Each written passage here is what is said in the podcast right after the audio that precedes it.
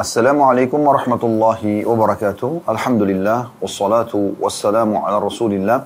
Segala puji dan puja kehadirat Allah Subhanahu wa taala juga salawat dan taslim kepada Nabi besar Muhammad sallallahu alaihi wa ala alihi wa sahbihi wasallam.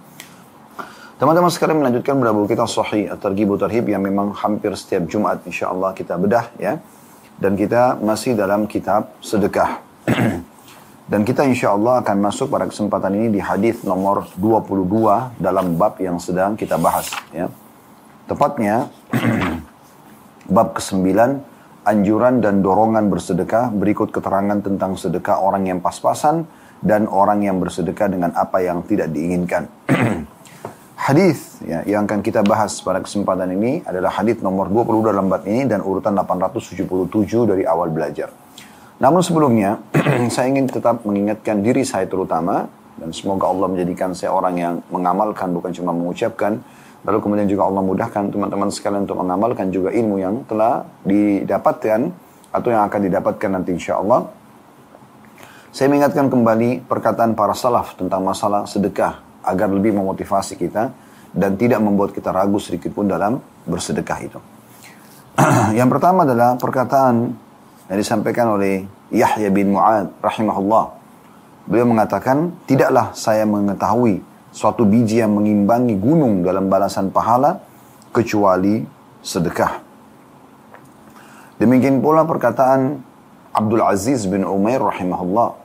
Di mana beliau berkata, sholat itu akan menyampaikan dirimu setengah perjalanan. Puasa menyampaikan dirimu kepada pintu sang raja. Allah subhanahu wa ta'ala sedangkan sedekah menyampaikan dirimu ke hadapan raja tersebut. Juga eh, diingatkan oleh para salafus salih kepada kita semua agar jangan lupa sedekah itu adalah kebutuhan dasar kita karena itu ibadah kepada Allah Subhanahu wa taala. Dan kita lebih butuh terhadap sedekah tersebut daripada orang yang akan menerima sedekah itu. Banyak sekali di antara muslimin persepsi mereka adalah orang pengemis atau seorang pengemis yang meminta atau seseorang yang minta tolong pada dia itu butuh pada dia. Persepsi ini keliru. Harus kita ubah kitalah yang butuh kepada dia. Karena sebenarnya dia mendapatkan fisik materi yang sedang kita berikan dan dia gunakan untuk kebutuhan dunianya. Namun kita sedang membawa nilai daripada sedekah tersebut ketimbangan amal. Hanya dia menjadi perantaranya. Garis bawahi poin ini teman-teman sekalian. Ini yang diingatkan oleh para ulama salaf di antaranya Ash-Shu'bi rahimahullah beliau mengatakan barang siapa yang tidak memperlihatkan bahwa dirinya lebih butuh kepada ganjaran sedekah daripada seorang fakir yang butuh kepada sedekah maka dia telah membatalkan sedekahnya dan telah memukul wajahnya sendiri dengannya. Nah banyak orang subhanallah karena dia pikir orang fakir yang butuh maka dia sombong. Dia jual mahal. Dia menyakiti perasaan orang yang sedang meminta. Padahal sebenarnya dalam surah Al-Baqarah sudah pernah kita bacakan surah nomor 2 ayat 261 sampai 274. Berulang kali kita bacakan ayat demi ayat ini. Di antara potongan ayat di situ adalah Allah melarang kita berulang kali ya, bukan cuma sekali untuk menyakiti perasaan penerima. Karena memang Allah lah yang menguji dia dengan ujian tersebut dan Allah yang memudahkan dia untuk datang kepada kita dan akhirnya kita bisa meraih pahala melalui dia. Jadi poin penting di sini. Kemudian Al-Laith Ibn Sa'ad rahimahullah beliau juga mengingatkan ya. beliau mengatakan barang siapa yang telah mengambil dariku suatu sedekah atau hadiah. Siapa yang mengambil dariku suatu sedekah atau hadiah, maka hak dirinya atas diriku lebih besar daripada hak diriku atas dirinya. Dia lebih berhak untuk itu. Ya. Karena dia telah menerima apa yang telah aku korbankan kepada Allah Subhanahu Wa Taala. Jadi kalau tanpa dia, bagaimana caranya kita menyampaikan ya sedekah kita kepada Allah Subhanahu Wa Taala? Allah telah jadikan dia butuh, lalu Allah buat dia menjadi penyebab kita tercatat memiliki pahala sedekah. Fudhal bin Iyad rahimahullah seorang kalangan saleh dari kalangan tabi'in mengatakan pada saat sedang membagi-bagikan sedekahnya beliau mengatakan mereka membawa perbekalan-perbekalan kami menuju akhirat tanpa upah sedikit pun hingga mereka meletakkannya di atas timbangan di hadapan Allah Subhanahu wa taala. Begitu para salaf memahaminya sedekah teman-teman sekalian. Apa yang kita keluarkan sebenarnya orang-orang fakir atau orang yang minta di hadapan kita itu adalah perantara saja. Mereka yang membawa uh, nilai daripada harta yang kita sedekahkan itu ketimbangan amal kita. Bahkan dilipat gandakan oleh Allah karena dia perantaranya. Oleh karena itu gembiralah, tersenyumlah melihat orang-orang yang butuh dan datang kepada anda. Abdullah bin Umar, Abdullah bin Abbas radhiyallahu ajma'in itu kalau kedatangan orang miskin mereka sibuk bersedekah. Kalau tidak datang mereka keluar mencari orang-orang miskin ini. Begitu luar biasa mereka memahami sedekah ini. Jadi persepsinya harus diperbaiki. Persepsi menganggap orang miskin yang minta itu butuh sehingga Anda tidak mau membuka jendela mobil Anda, Anda tidak mau memandang wajah para fakir tersebut, Anda tidak mau menyentuh tangannya, memberikannya maksudnya, anda tidak mau memberikan yang terbaik selalu saja yang bekas-bekas atau tidak pernah berpikir untuk ya bersedekah dengan yang terbaik ini salah persepsinya. Nanti akan kita jelaskan di bab kita banyak sekali hadis yang menyinggung masalah itu dari Nabi alaihi salatu wassalam. Juga jangan lupa kalau Allah Subhanahu wa taala amanahkan kepada Anda harta, jangan Anda menganggap itu milik Anda sendiri. Ada hak orang lain, ada hak istri, hak anak, hak pembantu, hak supir, hak tetangga, hak orang lain. Anda boleh nikmatin, tapi orang lain juga punya hak di situ. Makanya Ali radhiyallahu anhu mengatakan, barang siapa yang telah diberikan suatu harta oleh Allah, maka hendaklah yang menyambung kekerabatan dengannya. Ada hak orang lain. Memperindah jamuan untuk tamunya. Mohon maaf. Menolong seseorang yang membutuhkan. Membebaskan tawanan. Orang-orang fakir miskin. Para mujahidin dan dia harusnya bersabar atas musibah yang menimpa hartanya. Karena dengan perkara-perkara itu dia akan memperoleh kemuliaan dunia dan juga akhirat.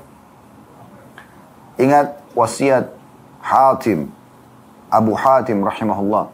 Beliau mengatakan bakhil itu adalah sebuah pohon di neraka. Sedangkan ranting-rantingnya ada di dunia. Maka barang siapa yang bergelantungan pada salah satu dari ranting-rantingnya, niscaya ia akan menjerumuskannya ke dalam neraka. Pelit, nggak mau sedekah. Sedangkan kedermawanan itu sebuah pohon di surga di mana ranting-rantingnya berada di dunia. Dan barang siapa yang bergantung, bergantungan pada salah satu ranting-ranting itu, niscaya ia akan membawanya ke surga. Dan surga itu adalah tempat orang-orang dermawan. Mohon maaf. Apabila salah seorang dari orang-orang soleh datangi oleh orang-orang fakir di masa dulu, dan meminta sedekah, maka dia berkata, selamat datang wahai orang-orang yang hadir untuk membawakan perbekalan kami kepada Rob kami. Coba bayangkan. Mereka mengatakan kepada orang-orang yang datang meminta, selamat datang orang-orang yang akan membawa perbekalan kami kepada Tuhan kami. Begitu seharusnya seorang muslim memahami. Jadi ini mengingatkan kembali ya tentang pentingnya sedekah karena kita sedang berada di bab sedekah teman-teman sekalian. Semoga Allah mudahkan kita mengamalkan dan selalu saja menepis bahkan menghilangkan dari diri kita sifat bakhil yang merupakan dosa yang dilarang oleh Allah Subhanahu wa taala bahkan Imam Adzabi rahimahullah masukkan dalam kategori dosa besar. Kita akan bahas sekarang mulai hadis kita pada siang ini semoga Allah berkahi hadis ke-22 dalam bab sedekah dengan sanad sahih urutan 877 dari awal belajar berbunyi dari Al Harith Al Ash'ari radhiyallahu anhu bahwa Rasulullah sallallahu alaihi wasallam bersabda إن الله أوحى إلى يحيى بن زكريا بخمس كلمات أن يعمل بهن ويأمر بني إسرائيل أن يعملوا بهن وذكر الحديث إلى أن قال فيه وآمركم بالصدقة ومثل ذلك كمثل رجل أسره العدو فأوثق يده يداه إلى عنقه وقربوه ليضربوا عنقه فجعل يقول هل لكم أن أفدي نفسي منكم وَجَعَلَ يُعْتِ الْقَلِيلَ وَالْكَثِيرَ حَتَّى فَدَى hatta. Artinya, kata Nabi SAW, sungguhnya Allah mewahyukan kepada Yahya bin Zakaria, alaihi mussalatu wassalam, Nabi Yahya dan Nabi Zakaria. Dia dan ayahnya, ya, uh, Nabi. Dan ini wasiat atau wahyu Allah kepada Nabi Yahya. Nabi, Nabi Muhammad SAW sampaikan kepada kita. Sesungguhnya Allah mewahyukan kepada Yahya bin Zakaria alaihi wassalam dengan lima kalimat agar dia mengamalkan dan memerintahkan Bani Israel untuk mengamalkannya. Lalu menyebutkanlah atau dia menyebutkan hadis sampai potongan yang jadi saksi bahasan kita masalah sedekah dari lima wasiat tersebut yaitu dan aku perintahkan kalian untuk bersedekah dan perumpamaan hal itu seperti seorang laki-laki yang ditawan oleh musuh. Dan mereka mengikat kedua tangannya ke lehernya. Mereka mendekatkannya untuk memenggal lehernya maka dia berkata atau mulai berkata bersediakah kalian kalau aku menebus diriku dari kalian lalu dia pun membayar apa pun baik yang murah maupun yang mahal, baik yang sedikit ataupun yang banyak, sampai dia berhasil menebus dirinya. Hadis ini diriwayatkan Trimidi dan beliau mensahihkannya. Teman-teman sekalian, hadis ini sudah pernah kita sebutkan ya di bab-bab yang lain gitu ya. Karena lima wasiat tersebut termasuk masalah syirik ya, termasuk menjaga sholat, termasuk mengeluarkan zakat Ya. Ya, di antaranya adalah masalah sedekah. Tapi ini diambil oleh Al-Mundiri rahimahullah penulis buku ini dan juga penelusur pen, penusur ya atau orang yang menelusuri hadis-hadis di sini Syekh Al-Bani rahimahullah uh, memilih potongan hadis ini saja atau saksi bahasanya yaitu dari lima wasiat tersebut masalah sedekah. Nah, secara global wasiat para nabi memang menyuruh umatnya untuk bersedekah karena ini perintah Allah Subhanahu wa taala. Allah itu sangat dermawan, dermawan, suka memberi. Maka beliau atau Allah subhanahu wa ta'ala memerintahkan kita semua hamba-hambanya untuk selalu bersedekah. Dan menjanjikan pahala yang besar juga menjanjikan balasan ya, rezeki yang melimpah dari sedekah tersebut. Teman-teman sekalian, di sini dari hadis ini diberikan gambaran bahwasanya sedekah selain memberikan atau mendapatkan balasan yang besar, juga ternyata bisa menyelamatkan dari mara bahaya. Dari mara bahaya. Maksudnya, bisa uh, selain pahala besar juga kalau ada masalah-masalah yang kita hadapin bisa bertawasul dengan amal saleh dengan sedekah. Kita bersedekah kepada fakir miskin niat agar permasalahan kita selesai. Nah itu boleh ya. Bertawasul dengan amal saleh. Maka kita bisa jadikan sedekah itu sebagai penyebab sembuhnya penyakit kita ya. Uh, uh, hilangnya pertikaian-pertikaian rumah tangga misalnya atau uh, fitnah sedang menimpa kita atau apa saja masalah yang sedang kita hadapi sedekah itu ternyata bisa menyelamatkan kita dari mara bahaya. Ya, dan itu yang disebutkan oleh sebagian ulama salaf ya. Di antaranya ada perkataan yang menarik yang disampaikan oleh Ibnu Abi Al-Ja'ad rahimahullah beliau mengatakan sungguhnya sedekah benar-benar menghilangkan 70 pintu keburukan. Ya. Mohon maaf. Menyelamatkan dari 70 pintu ya keburukan. Dan Nabi SAW mengatakan as-sadaqatu tudfi'u ghadab ya. Sesungguhnya sedekah itu bisa meredam murkanya Allah. Karena adanya dosa-dosa yang kita kerjakan akhirnya rezeki atau nikmat Allah dibatasi atau Allah tahan dulu maka akan ya terobati dengan sedekah yang kita keluarkan. Abdullah bin Abbas radhiyallahu mengatakan kalau seandainya saya memiliki permasalahan dalam hidup saya yang saya belum menemukan solusinya maka saya sengaja keluar untuk bersedekah agar Allah Subhanahu wa taala memberikan jalan keluar. Ini makna globalnya hadis. Kita akan masuk ke faedah-faedah hadis lebih dalam kita korek faedahnya. Yang pertama adalah bagaimana ada syariat-syariat yang disampaikan oleh nabi-nabi sebelum kita itu juga masih berlaku pada syariat Nabi Muhammad SAW. Walaupun tidak semua. Karena banyak juga syariat-syariat lain itu dihapus ya dengan datangnya Nabi Muhammad SAW. Tapi di antara syariat nabi-nabi sebelum kita yang tetap masih ada adalah syariat Nabi Yahya ya, bin Zakaria alaihi wassalatu wassalam yaitu perintah untuk bersedekah. Agar bisa selamat dari para bahaya dan juga siksa Allah Subhanahu wa taala. Yang kedua, adanya motivasi untuk bersedekah, adanya motivasi untuk bersedekah. Dan harusnya setiap muslim mencintai sedekah tersebut dan menjadikannya sebagai sebuah kendaraan istimewa bagi dia untuk mendapatkan tambahan rezeki, untuk mendapatkan kebahagiaan, untuk uh, keluar dari permasalahan, ini semua, atau bahkan untuk selamat dari api neraka dan masuk ke dalam surga. Maka dia menjadikannya sebagai program rutin dia. Dan dia merasa butuh dengan sedekah tersebut. Nah, ini keutamaannya. Yang ketiga, bahwasanya sedekah itu harus dari rezeki halal tentunya. Ya, karena Nabi SAW mengatakan, Inna Allah tayyibun la ikbalu illa tayyibah. Allah suci dan tidak akan menerima kecuali yang suci saja. Jadi jangan sampai Anda bersedekah anda niat mengejar pahalanya tapi dari rezeki yang halal atau minimal syubhat. Eh, rezeki yang haram atau minimal syubhat itu tidak boleh. Ya. Ini faedah daripada hadis. Baik selanjutnya hadis nomor 23 atau riwayat nomor 23 yang diangkat di sini ini perkataan Umar radhiyallahu anhu dengan sanad sahih urutan 878 dari awal belajar berbunyi dari Umar radhiyallahu anhu dia mengatakan dzukirali annal amala tabaha Fatakulu sadaqatu ana afdalukum. Diriwayatkan Ibnu Khuzaimah dalam sahih dan juga Al-Hakim mengatakan sahih berdasarkan syarat keduanya. Disebutkan kepada aku kata Umar radhiyallahu anhu bahwasanya amal-amal soleh saling membanggakan diri, maka sedekah berkata akulah yang paling utama di antara kalian.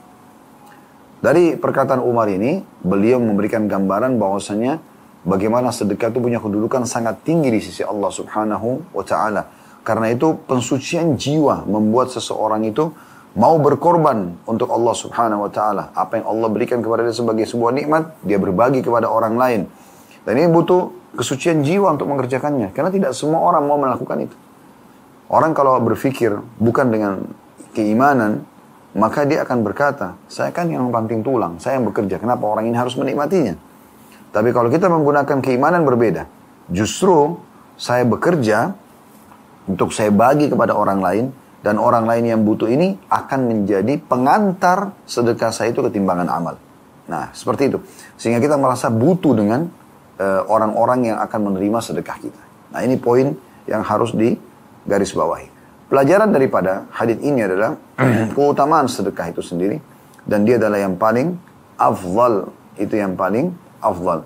Yang kedua, amal-amal soleh itu saling bangga membangga, membanggakan. Jadi eh, kita tidak tahu bagaimana mekanismenya, tapi dari perkataan Umar radhiyallahu anhu ternyata amal-amal soleh itu saling membanggakan diri satu sama lain di sisi Allah subhanahu wa ta'ala. Saya pernah uh, naik di bus waktu masih mahasiswa uh, waktu itu kami menuju dari Madinah ke Mekah. Subhanallah, saya teringat ada satu orang, beliau juga pakai baju ihram, duduk di bus, orang Saudi. Hampir sepanjang jalan dari Madinah ke Mekah, itu kurang lebih 6 jam kami naik bus, bus resmi pemerintah Saudi, Sapko namanya. itu tidak diam orang ini.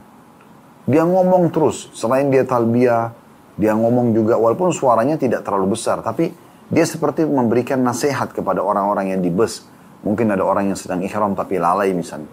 Tapi di antaranya dia mengingatkan, berzikirlah wahai muslimin, berzikirlah wahai para orang-orang yang sedang berihram.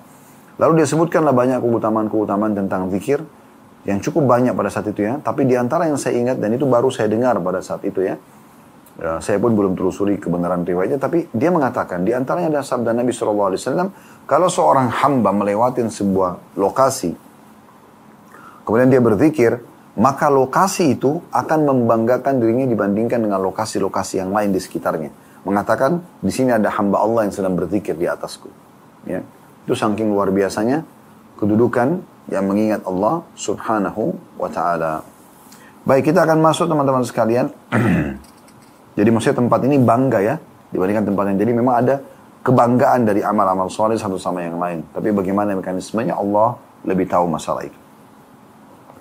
Kita masuk hadis ke-24 dengan sanad Hasan. Jadi ini urutan 879 dari awal belajar berbunyi dari Auf bin Malik radhiyallahu anhu dia berkata, "Kharaja Rasulullah SAW wa biyadihi 'asa wa qad 'allaka rajulun kin wa hashaf wa ja'ala yat'anu fi dhalika al-kinwi." فقال لو شاء رب هذه الصدقة تصدق بأطيب من هذا إن رب هذه الصدقة يأكل hasyafan yaumal qiyamah. Hadis ini diriwayatkan oleh Nasai dan ini lafaz beliau. Maaf, diriwayatkan oleh Nasai dan lafaz hadis ini kata Albani rahimahullah adalah lafaz Abu Daud. Juga diriwayatkan oleh Ibnu Majah, Ibnu Khuzaimah, Ibnu Hibban dalam sahih keduanya dan menyatakan hadis ini adalah hadis yang hasan. Baik, dari hadis ini, teman-teman sekalian terjemahannya, Rasulullah SAW, kata Auf bin Malik, radhiyallahu anhum, pernah memegang tongkat di tangannya. Sementara ada seseorang laki-laki menggantungkan satu janjang kurma rusak atau sudah kering. Maka beliau menusuk-nusuk janjang itu dan bersabda dengan tongkatnya. Kalau pemilik sedekah ini ingin bersedekah, niscaya dia bersedekah dengan yang lebih baik dari ini. Sesungguhnya pemilik sedekah ini, maksudnya kalau dia keluarkan sedekahnya dengan kurma yang rusak seperti ini, akan makan kurma rusak juga pada hari kiamat. Mohon maaf. Lagi diuji sama Allah SWT dengan batuk subhanallah. Semoga Allah sembuhkan dan juga semoga muslimin yang sedang diuji Allah sakit. Juga Allah sembuhkan. Allah amin. hadis ini hadis yang sangat mulia teman-teman sekalian dalam bab sedekah. Yaitu anjuran secara global maknanya anjuran dari Nabi SAW bagaimana seorang muslim selain dia memahami tadi poin dalam pembukaan yang kami sampaikan bagaimana dia fahami bahwasanya sedekah yang dia keluarkan dia yang butuh dan akan diantar oleh orang-orang miskin yang sedang dia berikan untuk menuju ketimbangan amal hari kiamat tanpa upah sedikit pun. Sebagaimana perkataan tadi Fudul bin Iyad rahimahullah. Maka selain daripada itu juga dia fahami dari hadis ini. ya bahwasanya kalau dia sudah tahu itu adalah kebutuhan dia dan akan dia panen pahalanya hari kiamat, maka berikan yang terbaik. Supaya jangan nanti hari kiamat dia menyesal. Gitu ya. Nah di antara penyampaian Nabi SAW dalam hadis ini. Beliau pernah keluar, kemudian menemukan ada orang menyiapkan satu janjang tadi dikatakan ya, kurma atau satu keranjang kurma untuk sedekah. Tapi memang isinya kurma-kurma yang sudah rusak. Daripada dia buang, dia mau sedekah gitu. Maka Nabi SAW ingin menyinggung ini. Dan menunjukkan kalau perbuatan ini tidak baik. Maka beliau menusuk-nusuk dengan tongkatnya, memberi, seakan-akan memberikan isyarat. Gitu kan. Sesungguhnya pemilik janjang ini, kurma ini, keranjang kurma ini, kalau dia mau bersedekah harusnya disedekah yang lebih baik. Maksudnya supaya di hari kiamat dia panen juga hasilnya yang baik. Kalau dia tetap bersedekah dengan ini, niscaya nanti dia akan diberikan makan juga dari kurma rusak hari kiamat. Apa makna hadis ini? Maknanya adalah sedekah yang terbaik. Toh sedekah itu kembali kepada dirimu, hai muslim. Hai muslimah. Kamu yang akan menikmati sedekah itu. Kenapa harus memberikan yang buruk? Kalau ada yang tanya, Ustaz, boleh nggak kami memberikan sedekah makanan bekas atau sisa? Boleh saja, bukan tidak boleh. Tapi jangan itu jadi target. Sekarang makanan-makanan ada tersisa pada saat kita lagi mau istirahat malam misalnya. Lalu kita rapikan, kemudian kita yang masih layak dikonsumsi lalu kita berikan kepada fakir miskin. Bolehkah? Boleh saja. Tapi itu bukan target. Itu sesekali mungkin ya. Targetnya adalah memberikan sedekah yang terbaik supaya kita juga mendapatkan yang terbaik. Sudah sering kami kasih contoh, kalau Anda mampir di satu restoran, Anda makan makanan yang memuaskan bagi Anda, maka coba beli porsi yang sama, nilai yang sama, lalu Anda berikan kepada fakir miskin. Anda berikan kepada fakir miskin. Gitu kan? Sehingga mereka pun bisa menikmati seperti apa dinikmati. Nah itu sedekah yang terbaik. Anda beli pakaian, Anda beli pakaian yang sama, Anda berikan kepada orang lain misalnya. Nah ini sedekah yang terbaik. Kalau seandainya ada sesuatu yang sisa, ada makanan yang sisa, ada pakaian yang sudah lama misalnya, ada tapi masih layak pakai ya, ada kendaraan yang sudah tua, Anda mau sedekahkan, boleh saja. Tapi itu bukan target sekali lagi. Itu uh, kondisional ya. Pada saat kondisi memang begitu Anda boleh sedekahkan. Tapi target utama adalah Anda selalu memberikan yang terbaik. Ini makna globalnya hadis ya. Baik, kita masuk kepada faidah hadis. Faidah yang pertama adalah dari hadis bagaimana uh, ada anjuran dari Nabi SAW agar seorang muslim memberikan yang terbaik pada saat sedekah. Dan dia harus tanamkan di benak dia dan di hati dia, kalau ini akan dia terima nanti hari kiamat. Makin baik yang dia sedekahkan, maka makin baik juga balasannya pada hari kiamat. Seperti itu. Sampai-sampai pada sampai pada tingkat Nabi Muhammad SAW pernah diberikan satu jubah sangat indah. Sampai Sahabat pun memuji beliau sallallahu alaihi wasallam. Memuji beliau luar biasa karena beliau sangat tampan, putih, bersih, wangi. Seorang nabi Allah, sempurna fisik dan akhlaknya. Lalu beliau pakai lagi jubah yang indah. Maka makin menarik bagi para sahabat. Mereka memujinya. Maka pada saat Nabi SAW lagi lewat di hadapan mereka, ada satu tiba-tiba sahabat mengatakannya Rasulullah, baju jubah anda bagus sekali berikan kepada saya.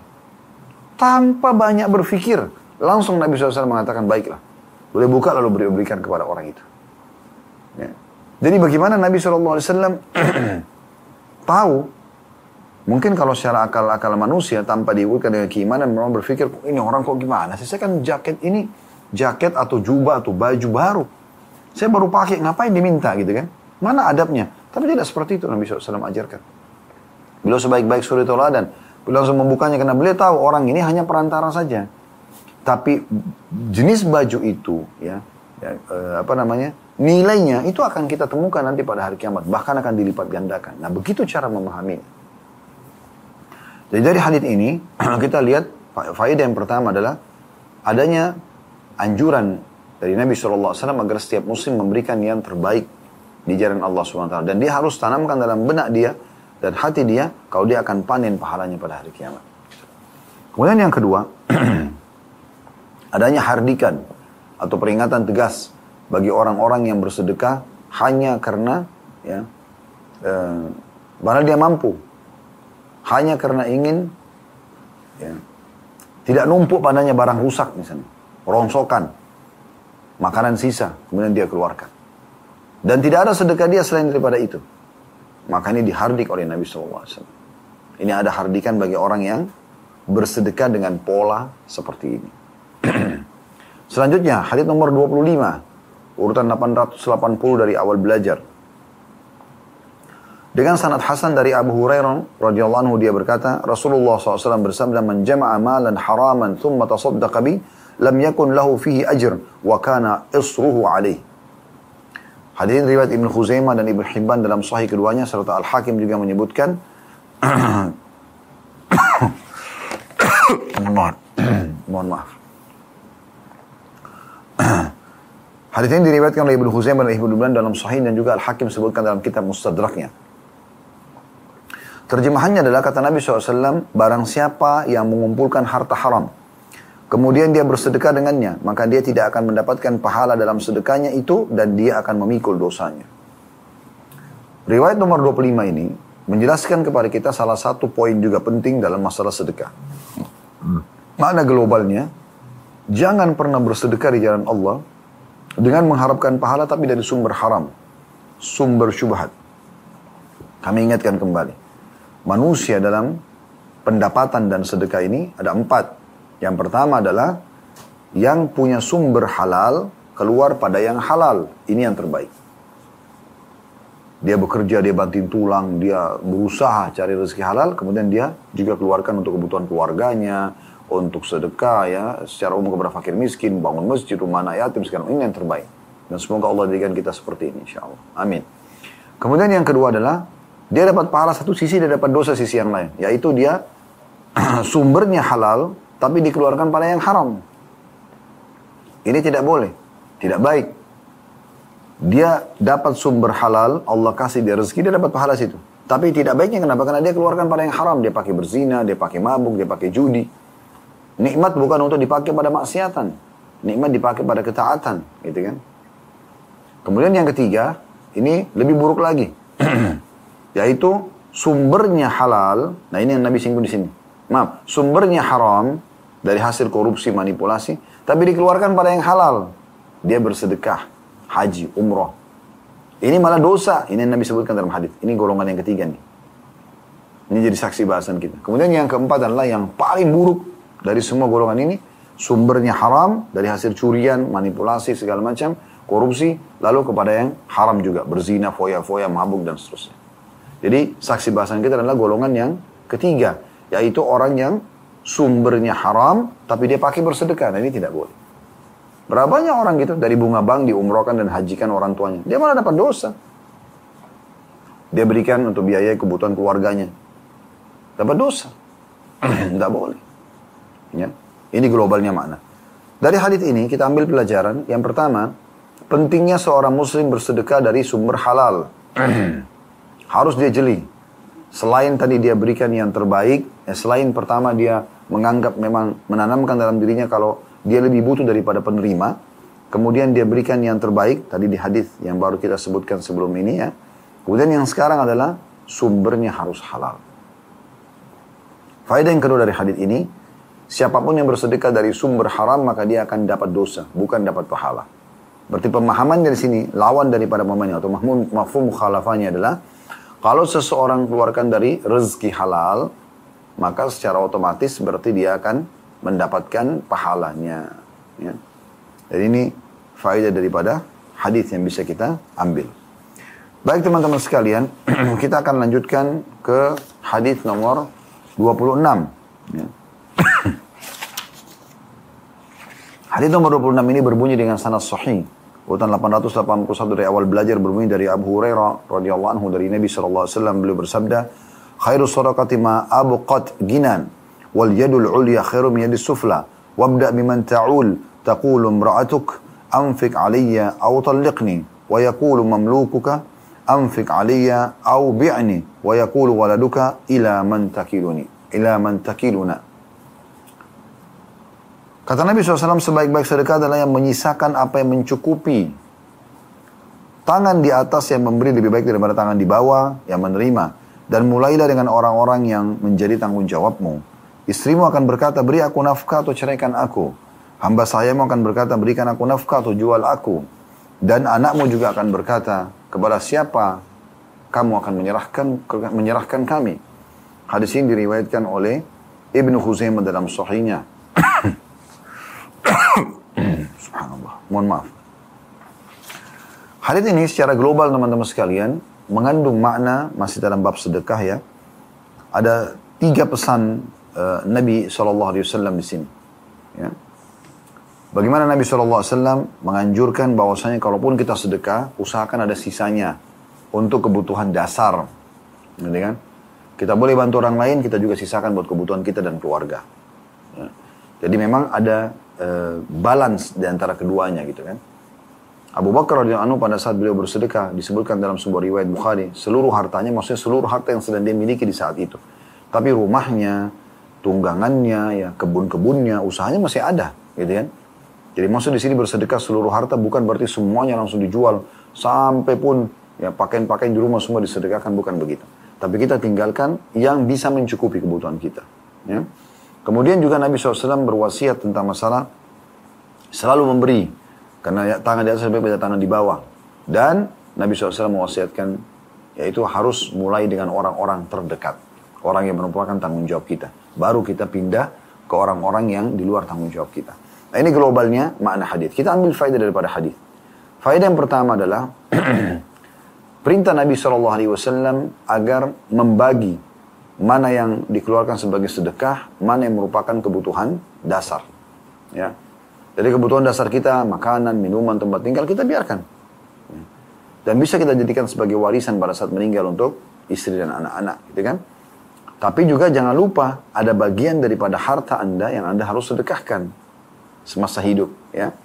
Jadi balance antara keduanya berimbang antara sedekah kepada orang-orang yang butuh dan juga antara kebutuhan dasar kita. Tapi jangan sampai uh, loss di sini ya, uh, berlebihan. Misalnya anda sedekahkan semua sehingga Anda sudah tidak punya lagi apa-apa. Atau Anda malah tidak keluarkan sama sekali karena alasan, ah ini kan kebutuhan keluarga saya, saya harus dahulukan. Sehingga Anda sama sekali tidak pernah lowongkan untuk mengisi uang di kotak amal masjid, Anda tidak pernah uh, mengengahkan atau uh, memberikan kepada fakir miskin yang sedang minta di pinggir jalan, atau misalnya ada yayasan, atau atau ini semua ya hal-hal yang uh, tidak boleh berlebihan di sini. Jadi harus berimbang di antara keduanya. Faedah yang kedua dari hadis adalah adanya motivasi dari Nabi SAW untuk selalu bersedekah dan selalu memberi. Nah memberi ini kata Nabi SAW tangan di atas yang memberi lebih mulia daripada tangan yang di bawah, maksudnya menerima. Dan kita sudah pernah jelaskan di bab-bab sedekah kita di awal-awal bab ini, kalau teman-teman sekalian uh, kita meminta kepada orang ini, itu hanya boleh dalam keadaan-keadaan tertentu. Anda betul-betul terlilit utang, tidak bisa lagi kecuali minta bantuan orang sudah tidak tahu lagi harus berbuat apa. Atau Anda punya kebutuhan dasar yang tidak bisa lagi kalau Anda tidak minta. Misalnya Anda mau makan, tidak ada makanan dan sudah lapar sekali. Harus minta makanan tersebut. Itulah. Atau Anda punya tanggungan, istri dan anak-anak yang mereka kelaparan. Dan harus sudah berusaha kerja tapi nggak dapat dapat. Anda minta kepada orang agar memberikan makan kepada mereka. Ini dibolehkan. Itu pun hanya sebatas sampai mampu. Kalau sudah mampu, nggak boleh lagi. Nah ini poin yang harus digaris bawahi baik-baik. Ya. Kemudian yang terakhir yang ketiga, faedah dari hadis ini adalah mulai anjuran mulai bersedekah dengan orang-orang yang merupakan tanggung jawab kita. Jadi jangan pernah anggap remeh teman-teman. Istri itu adalah kewajiban seorang suami dan itu pahalanya besar. Dan kata Nabi SAW, semua sedekah termasuk yang kau masukkan, potongan makanan yang kau masukkan di mulut istrimu. Ya. Juga ada seorang sahabat mengatakan, Ya Rasulullah, saya punya ahlu dirham. Siapa yang saya dahulukan? Kata Nabi SAW, dirimu. Kebutuhan dasarmu silakan. Saya masih punya Rasulullah anakmu, saya masih punya Rasulullah istrimu. Ada orang kita bertanggung jawab terhadap mereka, gitu kan? Makanya Nabi SAW bincikan sini, istrimu akan mengatakan, berikan saya nafkah atau ceraikan saya. Dan memang itu opsinya. Kalau anda tidak bersedia memberikan nafkah, anak orang yang anda nikahi, ya sudah. Jangan tahan anaknya orang untuk melayani biologis anda. Ya, untuk merawat rumah anda, merawat anak anda. Anda tidak perlu kebutuhannya.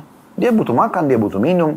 Ya, dia butuh kenyamanan dalam tempat tinggal, dia butuh tempat istirahat, dia butuh pakaian, dia ya butuh keamanan. Anda tidak bisa kembalikan anak orang, gitu kan? Itu juga budak akan mengatakan, berikan saya nafkah, saya kebutuhan dasar, makan, minum. Mohon maaf, pakaian.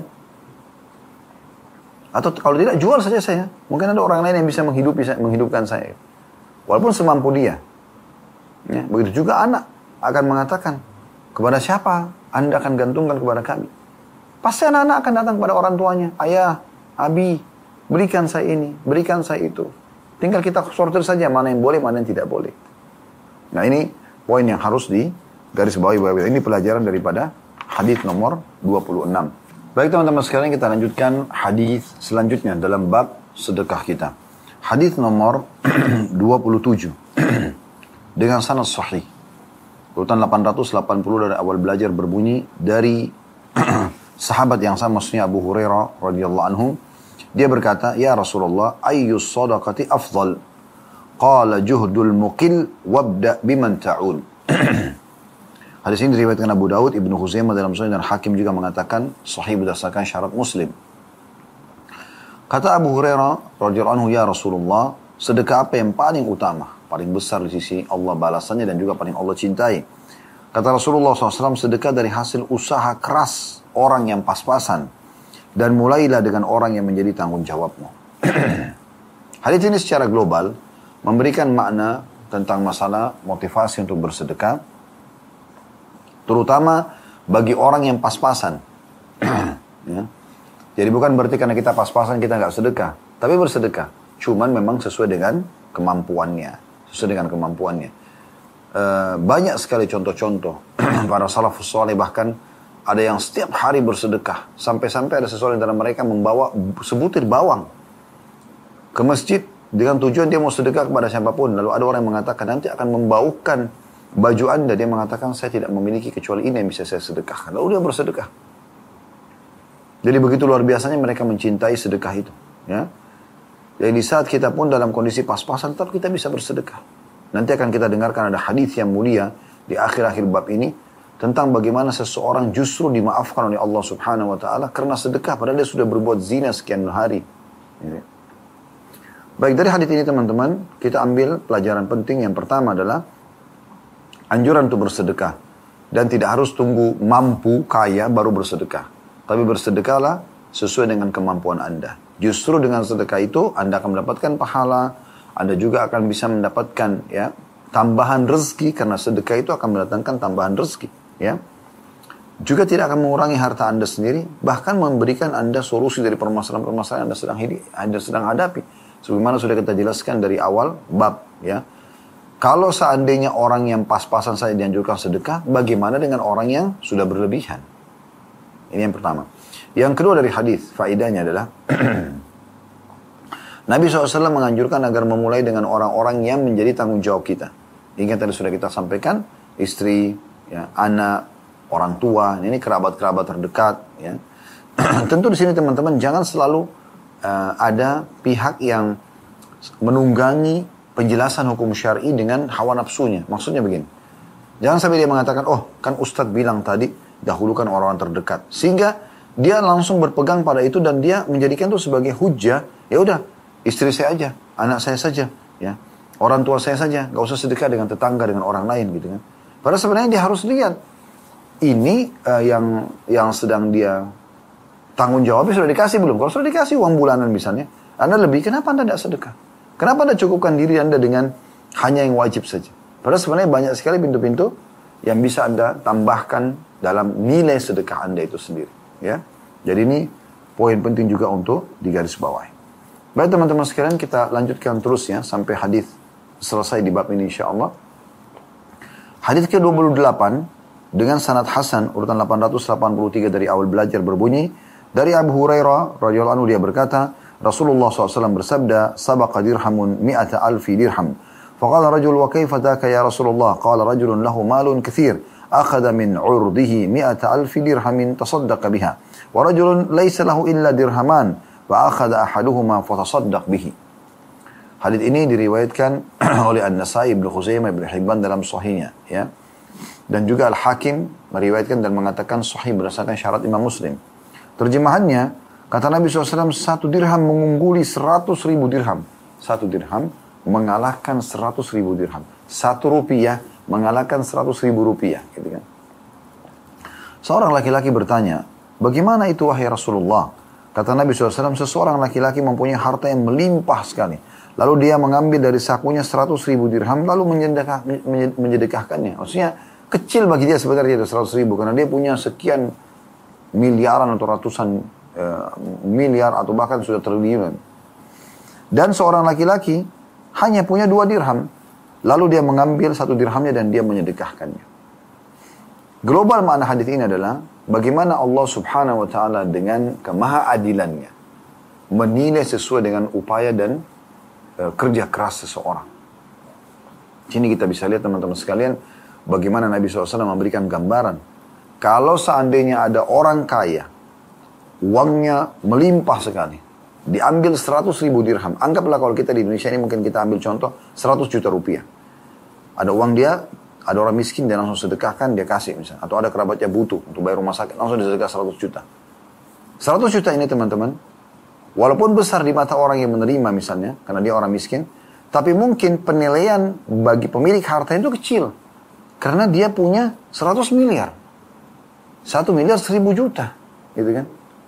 Berarti 100 juta itu kecil sekali. Dibandingkan uang dia yang punya 100 miliar atau bahkan lebih daripada itu. Tetap ada pahalanya, ada pahalanya kalau dia ikhlas. Tapi Allah di sini maha adil. Kata Nabi SAW, bisa dikalahkan oleh orang itu karena secara persentase berarti kecil. 100 juta itu dibandingkan dia punya 100 miliar. Dengan orang yang tidak punya kecuali 2 dirham. Dia cuma punya 2 ribu rupiah. Nggak ada uang lagi. Cuma ini saja. Tapi dia masih keluarkan 1000 disedekahkan, 1000 dipakai.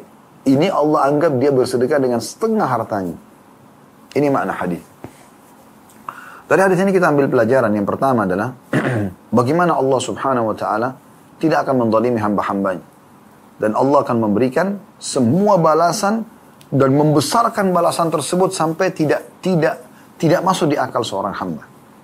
Sebagai contoh misalnya ada sebuah hadis yang lain terlintas di benak saya hadis riwayat Bukhari tentang hadis bitaqah, hadis kartu ya. Apa maksudnya? Kata Nabi SAW akan datang didatangkan seseorang pada hari kiamat nanti lalu diperlihatkan dosa-dosanya. 99 buku amal semuanya seluas pandangan mata. Semuanya penuh dengan dosa. Lalu Allah bertanya kepadanya, apa kau pungkiri semuanya? Dia bilang tidak. Apa malaikat-malaikatku menzalimimu? Ada nggak yang dicatat sini yang kau tidak kerjakan? Dia bilang tidak. Lalu ditanya lagi, apakah Ada alasan kamu kenapa kau kerjakan ini supaya kau bisa selamatkan diri? Dia bilang tidak ada. Memang apa boleh saya pelaku dosa, gitu kan? Maka kata Allah SWT, kau tidak akan didolimi. Ya. Ada nggak amal soleh yang kau kerjakan? Amal soleh apa ya Allah? Yang bisa mengimbangi 99 buku amal seluas pandangan mata satu buku amalnya kali 99. Penuh dengan dosa semua. Kata Allah SWT, kau tidak akan didolimi. Lalu dikeluarkanlah satu kartu Tulisannya asyhadu an la ilaha illallah wa anna Muhammad Rasulullah. Dua kalimat syahadat. Tulus. Dia nggak pernah rusak keislamannya.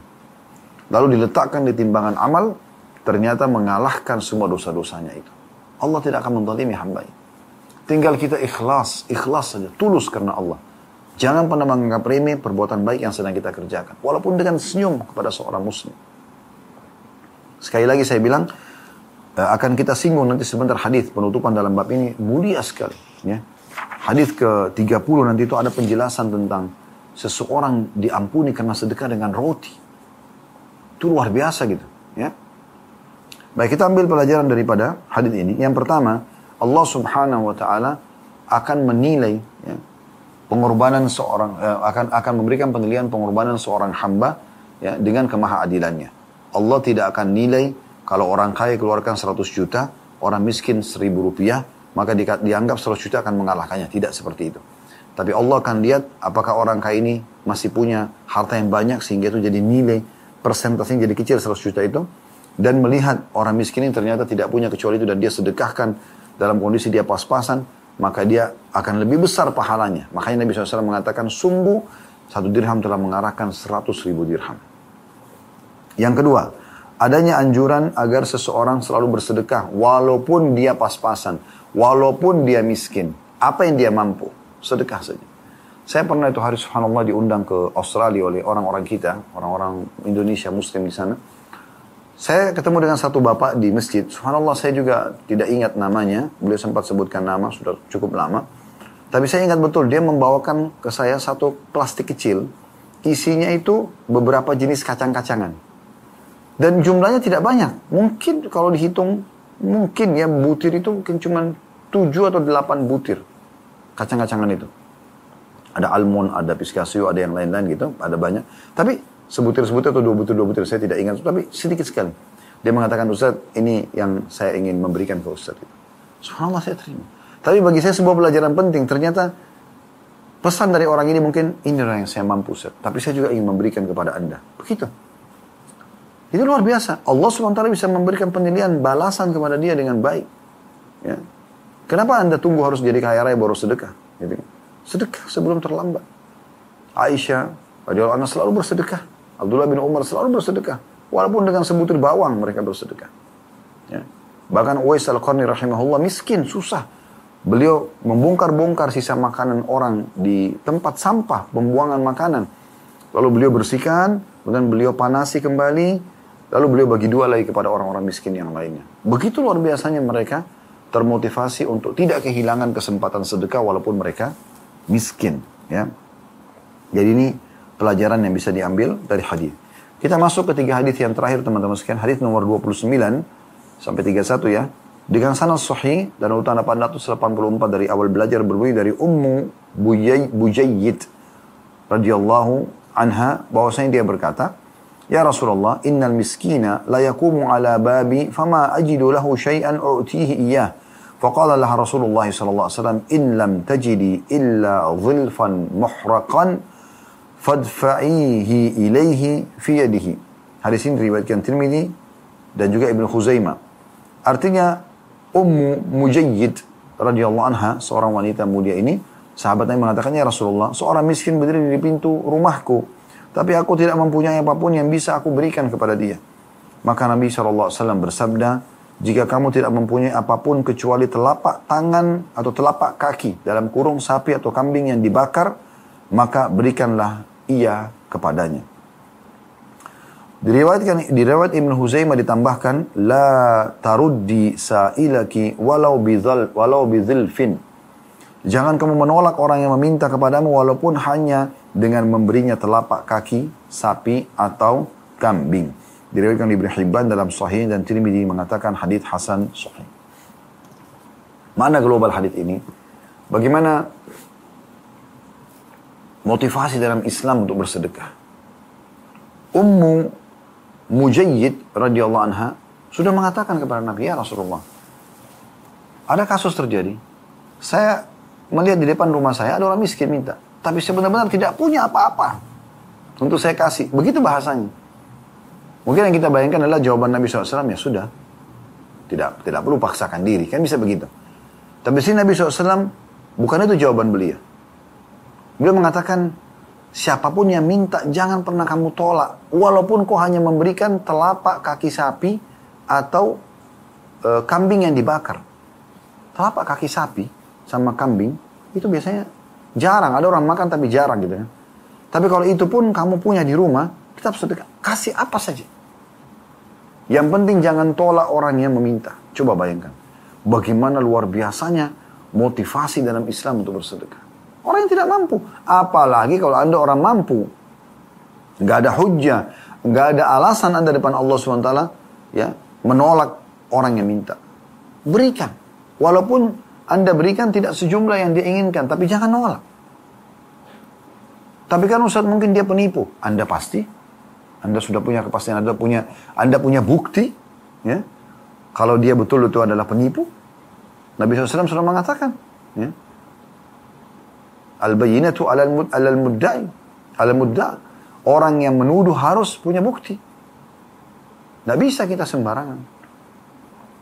Jadi berikan. Ini gambaran global hadis.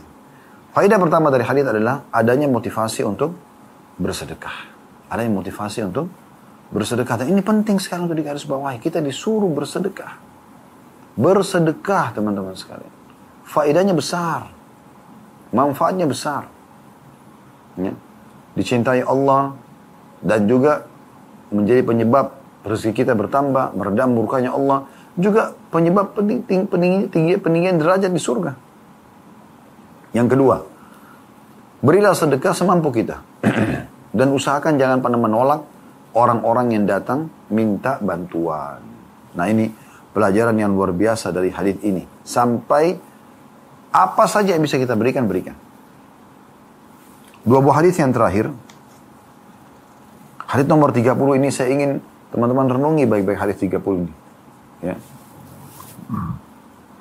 Hadis nomor 885 dari awal belajar ini sahih mauquf, maksudnya dia sahih tapi hanya sampai sahabat. Disebutkan dari hadis Abu Dzar yang tercantum dalam ya, buku Albani yang lain diriwayatkan oleh Al Baihaqi dan Ibnu Mas'ud juga menyebutkan secara mauquf. Lafadznya adalah Inna rahiban abadallah fi sawma'atihi sittina sana. Faja'at imra'atun fanazalat ila jambih. Fanazala ilaiha fawaqa'aha sittu layal.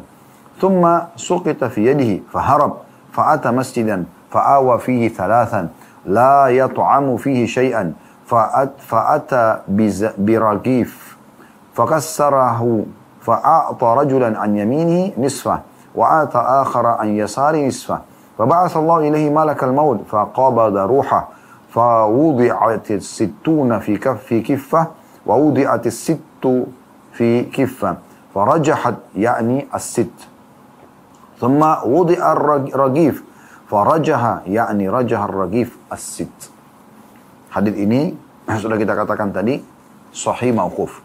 Terjemahannya sesungguhnya ya, kata Abidar, kata Abdullah Mas'ud meriwayatkan tentang ini ada seorang rahib yang beribadah kepada Allah di kuilnya selama 40 tahun di masa dulu. Lalu ada seorang wanita tiba-tiba mendatanginya di sisinya dan dia mendekatinya lalu akhirnya terjadilah perzinahan. Dia menggauli wanita tersebut selama enam malam. Kemudian kedoknya kebongkar. Tak ketahuan oleh masyarakat bahwasanya dia berzina. Lalu dia melarikan diri dan mendatangi sebuah masjid. Dia bermalam di masjid itu selama tiga malam dan tak makan apa pun. Lalu dia diberi sepotong roti oleh seseorang, dia membelahnya menjadi dua bagian. Separuh dia berikan kepada seorang yang ada di sebelah kanannya, dan separuh lagi dia berikan kepada seorang yang ada di sebelah kirinya. Lalu Allah mengutus malaikat maut kepadanya dan malaikat maut pun mencabut nyawanya. Ahli ibadah ini. Lalu ibadahnya selama 60 tahun diletakkan di salah satu daun timbangan dan perbuatannya terhadap wanita itu selama 6 malam diletakkan juga di daun timbangan yang lainnya maka dosa enam hari berzina lebih berat daripada ibadah 60 tahun. Kemudian sepotong roti itu diletakkan yang dia sedekahkan, maka ternyata sepotong roti yang dia sedekahkan tadi mengalahkan perbuatan dosa dia selama enam malam. Subhanallah. Riwayat ini agung sekali.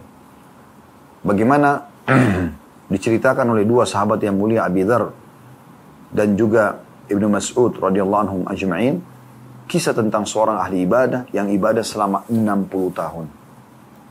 Tiba-tiba Allah uji dan datang seorang wanita menawarkan perzinahan dan dia terpengaruh. Zina dia selama 6 hari. Nah kebongkar. Dan ini subhanallah pasti kebongkar. Gitu kan? Perbuatan seperti ini terbongkar dengan izin Allah subhanahu wa ta'ala. Setelah itu dia melarikan diri dan dia akhirnya menyendiri di satu tempat ibadah yang lain. Dinamakan masjid tempat ibadah. Kemudian dia kelaparan selama tiga hari. Ini ujian datang. Maka ada orang tiba-tiba kasih dia makanan. Tapi karena dia merasa bersalah dengan Allah, dia merasa dosanya berat, maka dia pun tidak mau makan makanan tersebut, dia lebih pilih untuk sedekahkan. Dikasihlah sepotong sebelah kanannya, sebelah kirinya juga sepotong. Lalu Allah utus kepada malaikat maut diwafatkan. Wafatlah dia. Ditimbanglah 60 tahun ibadah dia. Satu timbangan. Ditimbang 6 hari zinanya. Ternyata 6 hari zina mengalahkan beratnya 60 tahun ibadah. Ini luar biasa. Ini. Berarti menandakan zina itu berat sekali gitu kan. Sampai-sampai pada tingkat enam hari saja mengalahkan 60 tahun ibadah. Berarti satu hari berzinanya itu sama dengan 10 tahunnya gitu. Namun, subhanallah, lihat dahsyatnya sedekah.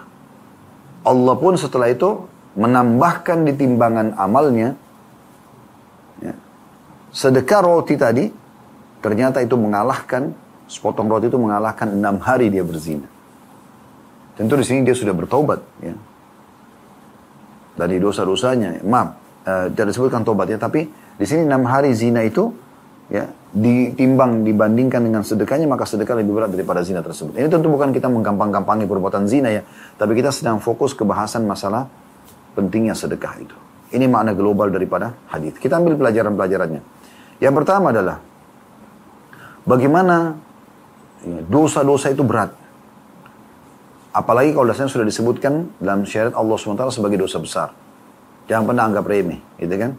Di sini disebutkan dosa zina, mungkin dosa-dosa yang lain juga banyak. Ya, seperti riba, mencuri, dan segala macam. Itu kan banyak dosa-dosa besar. Nah, tapi di sini menggambarkan bagaimana beratnya itu. 60 tahun ini bukan umur yang pendek.